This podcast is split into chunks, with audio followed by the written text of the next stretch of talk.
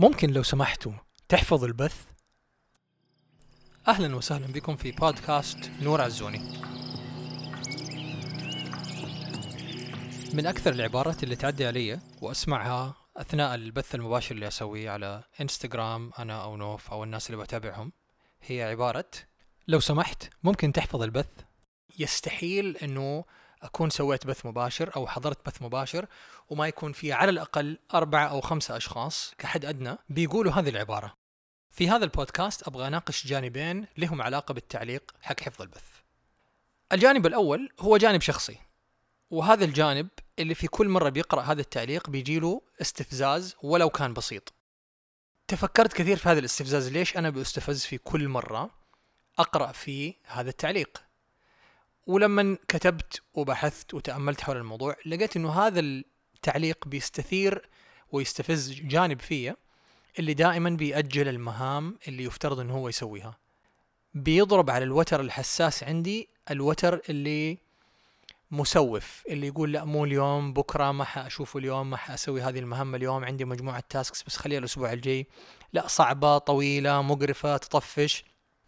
وهذا الجانب اللي دائما يتعذر باعذار واهية وما لها أي قيمة.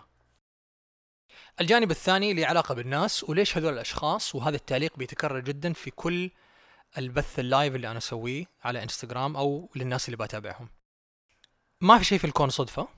جميع الأشياء اللي بتتجلى في عالمنا الخارجي ما هي إلا انعكاس للمشاعر والأفكار والنوايا اللي بتدور عندنا في العالم الداخلي. معناته الأشخاص هذول ما بيطلعوا في حياتي صدفة وإنما بهدف رسالة يبغى يوصلوا لي هي. وفي كل مرة يكون عندي تذمر أو يكون عندي ضجر هي حالة هروب من الرسالة والعلامة اللي بتتكرر. ما في شيء في الكون صدفة أبدا. كل شيء في الكون مرتب ترتيب دقيق جدا جدا. كل كلمة كل همسة كل ذبانة تعدي من قدامك كل فراشة كل ريح كل شروق شمس كل وردة بتشوفها كل أحد يدخل عليك في الشارع سواء كانت الأحداث سلبية ولا إيجابية. ما في شيء صدفة كل شيء يحمل علامة ويحمل رسالة.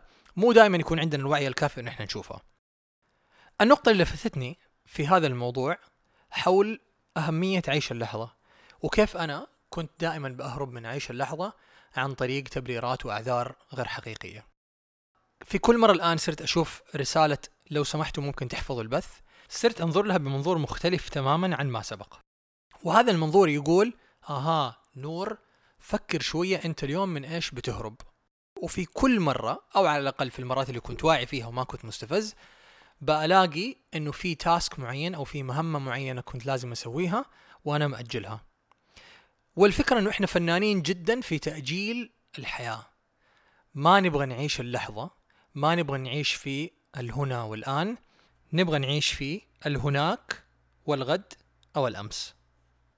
وبكل ما أوتينا من قوة نحاول نهرب من عيش اللحظة. فلما أنا أقول احفظ البث أو أشوف تعليق احفظ البث بأفكر بقول هذا الشخص اللي بيقول أو أنا لما أقول لو سمحتوا احفظ البث إيش الرسالة ولا العلامة اللي مرسلة لي من تكرار هذا الحدث؟ وخلاصة التأمل البسيط في هذه العبارة هي مجموعة أشياء. واحد إيش الأشياء اللي في حياتي اللي بأجلها يوم ورا يوم ورا يوم؟ اثنين هل الأشياء اللي بسويها أو ال actions اللي بسويها أو ال actions اللي بتفادى إنه أنا أسويها هي عبارة عن هروب من المسؤولية ولا هروب من اللحظة ولا هروب من عظمتي أنا كإنسان؟ ثلاثة في كل مرة أقول عبارة أحفظ البث أو شبيهاتها بكرة ما حسويها اليوم بعد أسبوع وأسوف أسوف أسوف أسوف يا ترى كم عدد الأشياء المسوفة والمؤجلة اللي بركنها الجنب وبقول ما حشوف البث اليوم حشوفه بكرة. وأبدأ أتعذر أقول يمكن عشاني أنا في الدوام عشاني أنا مشغول عشان عندي أولادي عشان عندي بناتي عشان عندي مشوار المدارس عشان عندي عمل عشان بس بأسوف وأعطي لنفسي أعذار وأجد في نهاية المطاف أنه عندي مجموعة مهام كثير جدا مؤجلة والتبريرات حق تأجيلها كلها تبريرات غير حقيقية. أربعة. هل في المرات اللي أقول فيها أحفظ البث ولا حأجل فيها وأسوف فيها المهام هل حقيقي بأنجزها؟ هل حقيقي بشعر بالارتياح؟ ولا بتتكوم علي مجموعة من الملفات المفتوحة اللي ما لها أول من آخر ويكون عندي صعوبة في الاستيقاظ وصعوبة في النوم وصعوبة في بأمشي وأجر ورايا في يومي الكامل مجموعة كبيرة صناديق وصناديق وصناديق من الملفات المفتوحة خمسة هل أنا عندي فومو أو fear of missing out. هل أنا خايف من الأشياء تفوتني؟ وليش خايف من الأشياء تفوتني طول الوقت؟ وليش مهم بالنسبة لي إنه أحضر كل شيء وأكون موجود في كل زمان وفي كل مكان؟ ومع كل أحد إلا في الزمان والمكان الحقيقي اللي أنا فيه الآن. ستة إذا كان العالم الداخلي انعكاس العالم الخارجي والعكس صحيح فلما أقول عبارة لو سمحت ممكن تحفظ البث. فين التأجيل هذا بيتكرر في مواضع ثانية من حياتي؟ قاعدة جميلة يذكرها تي هارف أكر مؤلف كتاب أسرار عقلية المليونير.